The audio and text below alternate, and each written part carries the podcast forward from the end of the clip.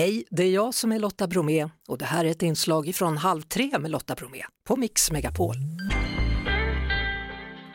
Hörrni, idag så är det äppelmustens dag och en person som har äppelodling och musteri varmt om hjärtat är före detta delägaren på Sörmlands Musteri AB, Roger Tiefensee. Hallå där!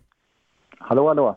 Ja du, vad betyder äpplen för dig? Vad är det som är så bra med äpplen? Ja, vad, det, det är bra till allt.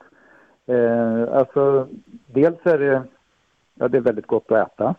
Eh, alltså tittar man och, och som idag göra äppelmust. Jag sitter just med ett glas eh, must från ett äpple som heter Rubinola. Så äpplen funkar i alla sammanhang.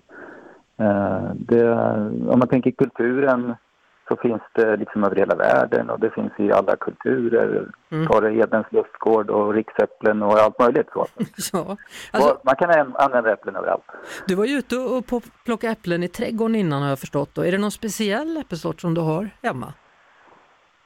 Ja, nu plockar jag min odling. Så nu mm. plockade jag en sort som heter Santana.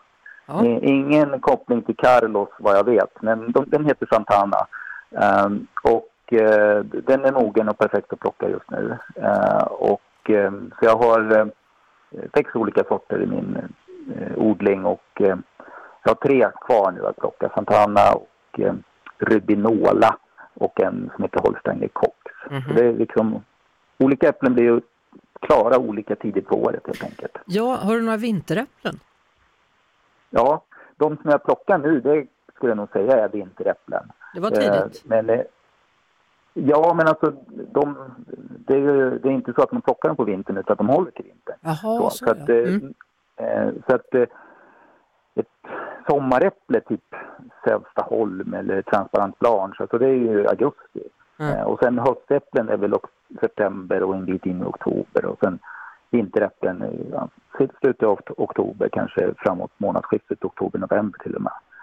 Jag, jag, tänker på dig då som är äppelälskare. Du, du, måste ju liksom åka förbi hur många trädgårdar som helst där du ser att det bara liksom har ramlat ner äpplen och bara ligger där. För folk känner ju ibland att vad ska vi göra av alla äpplen? Har du något tips? Nej men då kan jag, alltså, ja, ja precis, jag, jag får ju den där känslan att oj, oj, oj, här, här finns det massa äpplen och det skulle kunna bli massa must. Så det finns ju musterier över hela Sverige som eh, har som affärsidé att ta hand om antingen att man kommer dit, lämnar sina äpplen och, och köper tillbaks musten men eh, man kan också känna, en del köper in, betalar några kronor kilot mm. um, och då kommer det till nytta. Och det finns ju organisationer som engagera fotbollslag eh, och få hjälp att plocka och så får de en liten slant i sin kassa och sådär. Så att det finns massa möjligheter. Ja. Det är bara dumt att låta dem ligga och bli dåliga helt enkelt. Nu är det ju äppelmustens dag idag då, och du har ju arbetat inom musteri. Vilken must tycker du är godast? Alltså en sörmlänning så måste jag ju säga en must på äh, åkeräpple från Sörmland. Äh, det, det, den godaste jag gjorde med min kollega Bettan i Sundhälls musteri. Det var en, eh, en must på åkeräpple och sen hade vi filtrerat den så den blir klar. Uh, och sen hade vi upp den på flaskor och då är det liksom, det är som ett bra vin. Mm. Alltså, du, har ju så, du brukar ju sitta och uh, prata vin med Carl Jan, alltså det är en fantastisk uh, känsla i munhålan alltså. Mm. Till och med Carl Jan terminologi som kom in i programmet här. Ja, eller hur? Ja, bra grejer. Ja, men hallå, vad härligt då. Eh, och stort tack för tipset Roger Tiefensee. Tack själv. Det var det.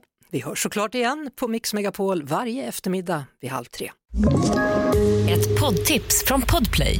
I fallen jag aldrig glömmer djupdyker Hasse Aro i arbetet bakom några av Sveriges mest uppseendeväckande brottsutredningar.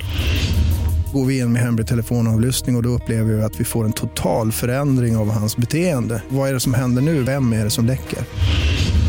Och så säger han att jag är kriminell, jag har varit kriminell i hela mitt liv men att mörda ett barn, där går min gräns. Nya säsongen av Fallen jag aldrig glömmer på Podplay.